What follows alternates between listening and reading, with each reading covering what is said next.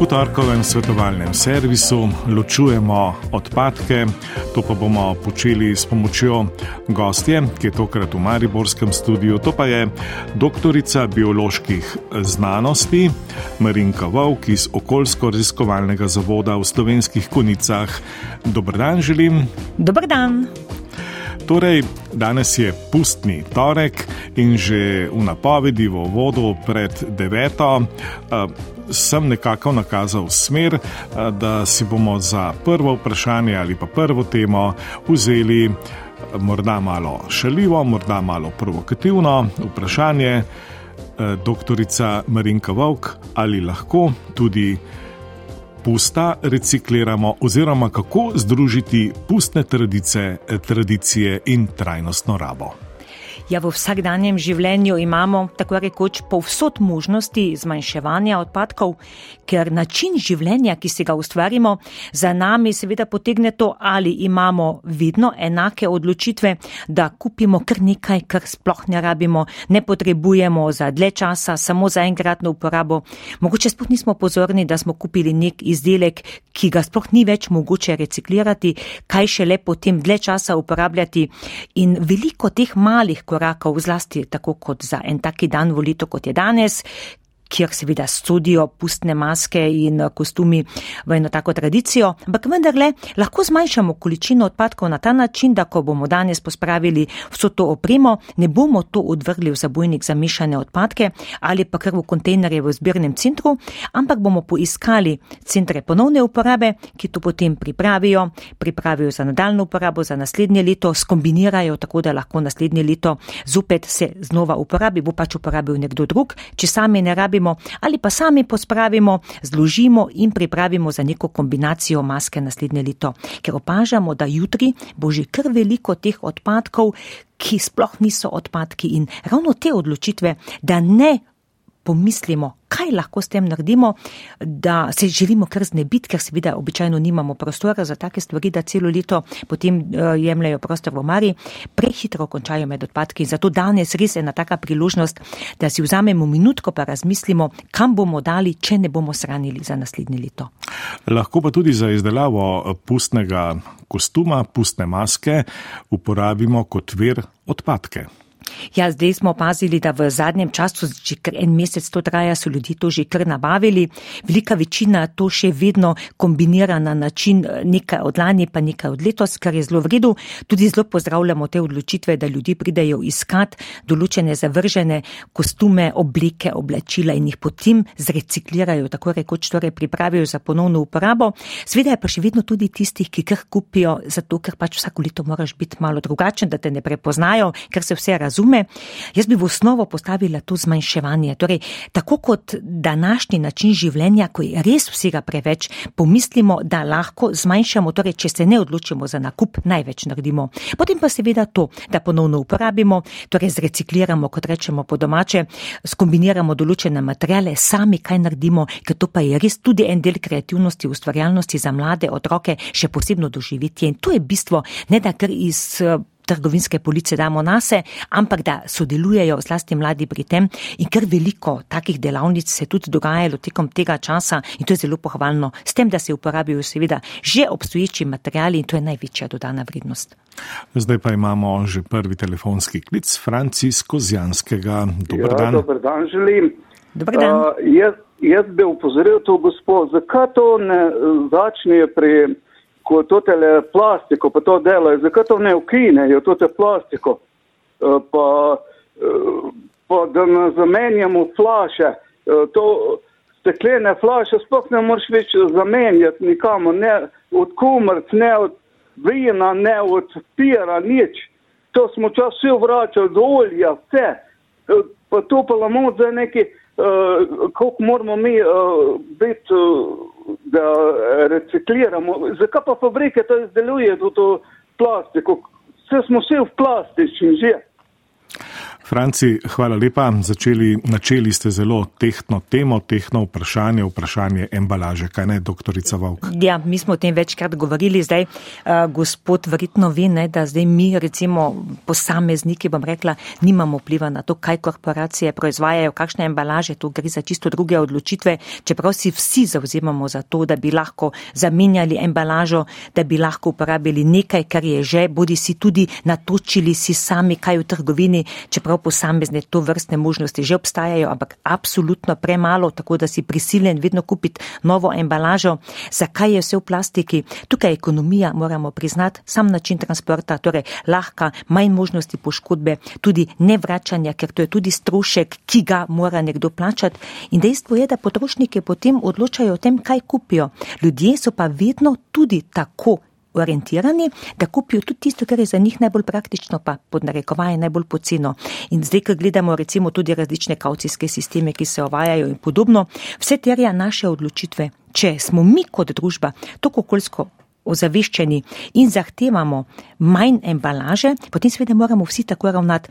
Velike korporacije, ker se pa večina izdelkov uvozi, če pogledamo sploh plastično embaliranih določenih izdelkov, ki se v Sloveniji sploh ne proizvajajo, je pa seveda to stvar tudi transporta in celega kupa predpisov, kjer pa žal Tudi Slovenija sama kot taka se en del prilagaja glede na zahteve varnosti prevoza, ker vemo recimo elektronski izdelki, ki prihajajo od deleč, kako je to zapakirano, kome odpakiraš pet različnih materialov po sestavi plastičnih.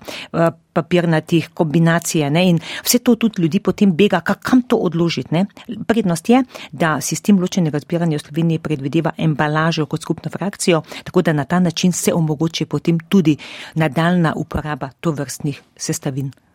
Plastični odpadki za enkratno uporabo eh, pa so tudi eden izmed petih največjih problemov z odpadki v Sloveniji. Ja, zdaj ravno ta težava, te odločitve za to, da hitro nekaj kupimo, da nam ni potrebno bodi si očistiti, da to, kar odvržemo. To so take male, zopet navade, koraki, ki pa pripeljejo do tega, da je takih korakov na koncu lahko veliko, ki peljejo v manj odpadkov.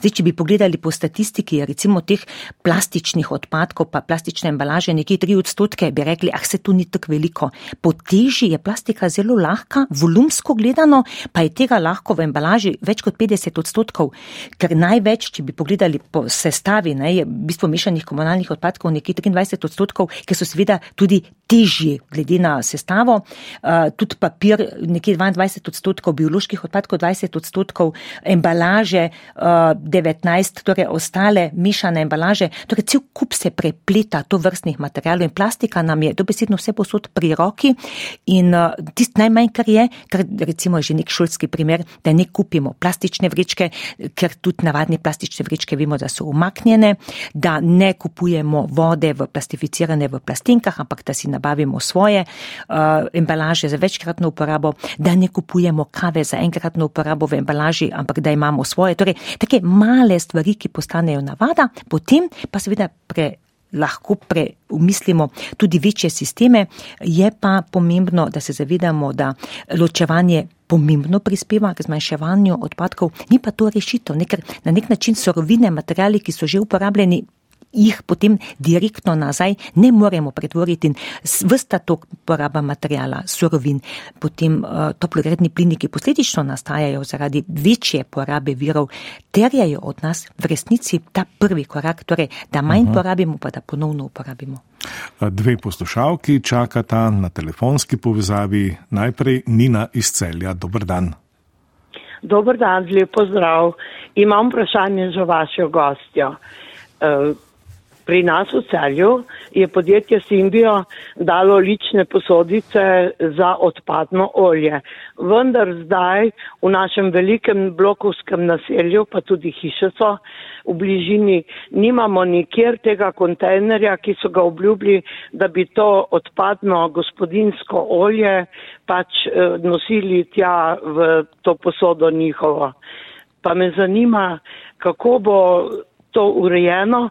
Jaz sem na Simbiju pisala pismo, vendar nisem dobila nobenega odgovora. Lepa hvala vam, lep dan želim in srečno. Enako srečno. Ja, zdaj odgovor je preprost, se pravi, pisali ste, niste dobili odgovora. Najbolj praktično pokličite, imajo Simbio ima več odprtih telefonskih številk. Preverite, ali je bilo mišljeno, da ta zabojnik pride v vsako tako blokovsko naselje za zbiranje odpadnega jedilnega olja, ali pa je, tako kot imamo večina, možnost, da sami potem v zbirni center dostavimo to posodo in potem zamenjamo za drugo. Tako da zdaj popolnoma odvisno od tega, kako so urnik zbiranja predvideli, ampak to lahko takoj danes preverite, ker danes bo nastalo kar nekaj v tem času tega odpadnega jedilnega olja in je seveda smiselno, da ljudje vedo, kako in kaj s tem. Zbirni centri, ki jih ima vsaka lokalna skupnost, omogočajo namreč vsakodnevno ločeno zbiranje odpadnega jedilnega olja v namenskih posodah, ker lahko to posodo, ki jo imamo, zamenjamo z novo, tako da ne pride do tega prelivanja ali pa preprosto zlijete in nesete nazaj. Skratka, več teh sistemov, ker so posebne cisterne, ki so potem narejene na ta način, da seveda omogočajo varno shranjevanje do nadaljne uporabe potem. Marjana z Dolenske bo naslednja zastavila vprašanje. Dobar dan. Dobar, dobar dan. Uh, jaz imam precej tega za reči. V glavnem, uh, glede plastike, ko je rekel prvi poslušalc, tu, da bom jaz uh, mal od, uh, dajala, primerno odlagala, pa ne vem kaj, pa uh, čisla in tako naprej, to ne bo rodil nobenega uspeha. Zakaj ne bi naredila oblast vlada sistemsko, kar se ne sme uporabljati, ker je tega že tako preveč, da se to sploh ne proizvaja več, saj v toliki meri, ko je sedaj. To bi bila edina rešitev, ne pa to, kaj bo en posameznik naredil eh, za kmeta. Imajo toliko zakonov, toliko omejitev, eh, če proizvaja hrano, vse drugo se pa lahko. Ves promet nepotreben, vsi mogoči letalski prevozniki in vse mogoče onesnažuje, kar res ni tako nujno, kar je treba pa hrano predelati, to je pa greh tak veliki. Ja, Marjana, je to je. Gleda, Ja. Treba tukaj, da oblast oziroma odgovorni nekaj naredijo, da se sistemsko reši, kar bo posameznik naredil, bo zelo malo. Hvala lepa vam. Hvala, Marjana. Uh, doktorica Marinka Vovk, verjetno veliko krat slišite ta pomislek moč posameznika in ali se splača na mikroravni. Zagotovo, glede na to, da izhajam iz prakse, torej nisem zdaj v enem laboratoriju, ampak sem dobesedno v praksi tudi uvedba centrov ponovne uporabe, je bila en tak premik posameznika. Torej mene, da smo se tega lotili, ni bilo zakonsko predpisano, ni bilo pravne podlage, ampak smo začeli in s tem že danes, ne samo da odpadke znova uporabimo, da ustvarjamo delovna mesta, da je ogromno to vrstnih centrov v Sloveniji na osnovi te ideje nastalo, ampak uh, spreminjamo zavest, ljudje se vedno bolj zavedajo in vidijo smisel tega, kar se pa tiče sistemskega pristopa, je absolutno ima gospa prav, ker to je ključno, kar lahko naredimo, zopet pa se moramo zavedati, če pogledamo po policah, koliko izdelkov je iz Slovenije, koliko pa od drugot in vpliv na to, kako drugot proizvajajo, kako pakirajo, vemo, to ni tako enostavno, ker gre za mednarodne eh, različne sisteme kako, kdo, kje in odkot vse pride. In če bi to analizo naredili, potem vidimo, da tudi Slovenija nima tako močnega vpliva, kot se mogoče zdi, glede vseh predpisov transporta to vrstnih izdelkov, ki pa potem na drugi strani tudi potrošniki zahtevajo, da so torej prepolne police, preveč vsega, ogromne količine zapakiranih za enkratno porabo. Če pogledamo sam po recimo delikatisnih policah, koliko tega Aha. se ustvarja. Ne? Tako da, eh, ja, ta sistemski pristop, absolutno. Je pa zopet od nas, verjamete, vse odvisno od nas, posameznikov, ker uh, tudi proizvajalec se bo vedno ravnal po tem, kaj bodo kupci želeli, zahtevali, kupili in to je ta večji krok, ki obstaja. Lili iz Ljubljane nas je poklicala. Dobr dan. Ja, pozdravljeni. Zelo pohvalne so te oddaje, superca. Um, je pa gospa Vok lani prav v tej oddaji zelo zagovarjala menjavo embalaže donata v neko posebno plastiko. Zdaj sem pa jih iztekla, ne v plastiko. Zdaj sem pa prav včeraj opazila na netu neko informacijo o odpoklicu donata zaradi embalaže. Uh -huh, hvala lepa. Da bom, to. Poslušala ja. po ja. radiju. Hvala za to istočnico in vprašanje. Ja, vprašanje lansko leto je bilo, zakaj donat ne pakirajo več v steklo, tako kot smo bili navajeni. Uh, jaz nikoli ne zagovarjam ene ali druge oblike, ker pač posamezne korporacije imajo svoje vplive, ampak odgovor je bil, da glede na to, da sam prevoz prazne stekline embalaže, čiščenje, torej celoten krok, finančno seveda vsaka korporacija si preračuna, stane več in zaradi vseh teh procesov, tako kot prej smo slišali, kozarci za vlaganje, embalaža od vina in podobno, zopet terja nek strošek in pod črto je vedno tisto, kaj bo ceneje.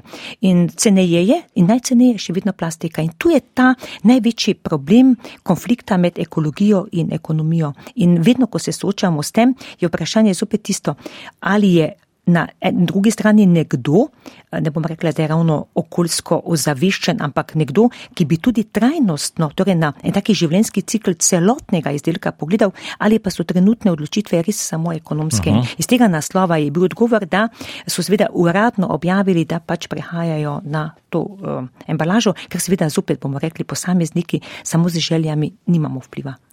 Zdaj pa se bomo dotaknili teme odlaganja elektronskih odpadkov.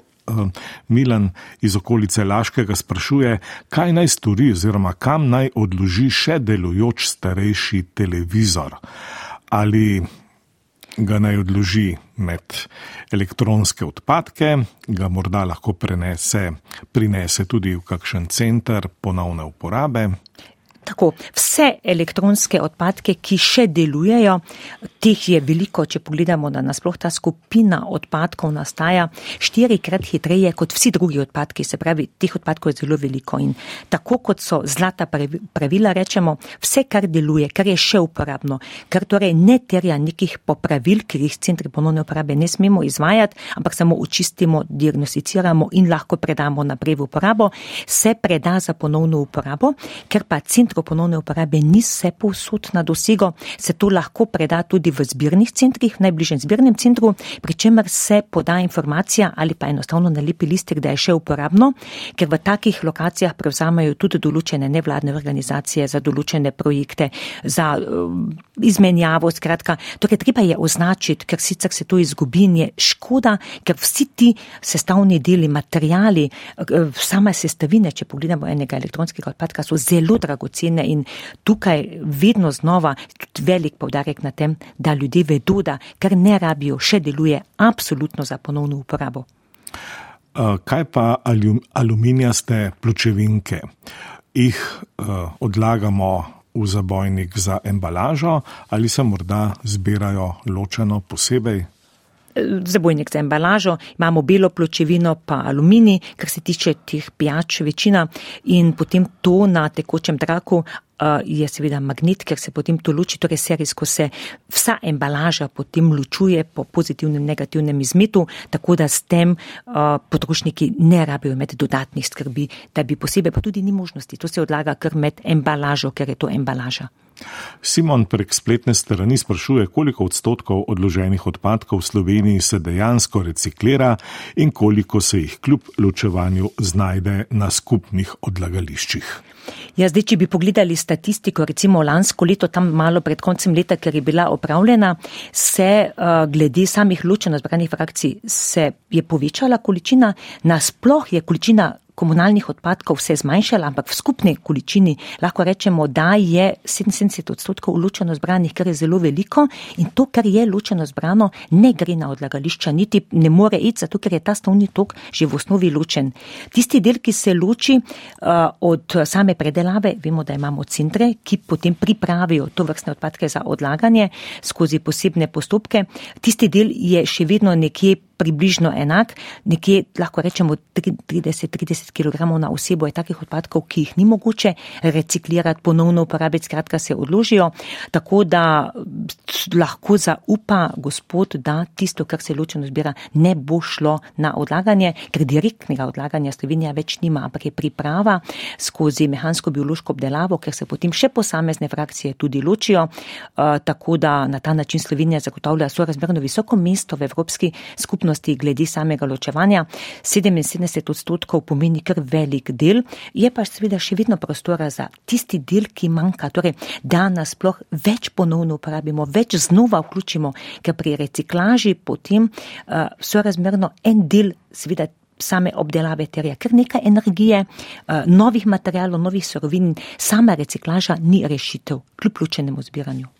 Če se še malo vrneva k današnjemu pustu, prek spleta se nam je oglasila poslušalka, ki pravi takole: Sem mama, ki nima ravno polne denarnice, vendar dva sina, dvojčka, ki si želita biti za pusta našemljena in jo zanima, sprašuje, iz česa ji priporočate narediti kostum, morda izvreče za smeti.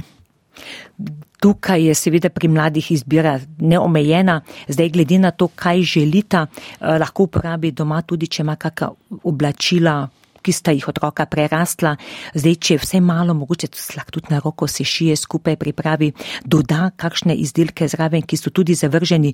Dovolj je, da se pogleda, torej ostanki oblačil že v osnovi se prereže, se naredi zdaj, če je šivalni stroj doma, je to zelo enostavno, ali pa da se poišče nekoga, ki zna. Dejansko ne bi potrebovali ničesar kupiti, kar se tiče današnjega dneva, vse malo kreativnosti vključiti, tako da potem, če so še ostali kakšni drugi taki izdelki, od igrač, recimo, ne se kombinirajo določene igrače, ki jih potem lahko uporabi za namen funkcije. Fantje pač vemo, kaj jih zanima, tako da ja, brez slabe vesti, to se lahko doma naredi in bo tudi ne bolj univerzalno, pa unikatno en tak doprinos. Malo kreativnosti, pa ja, to pa je potrebno.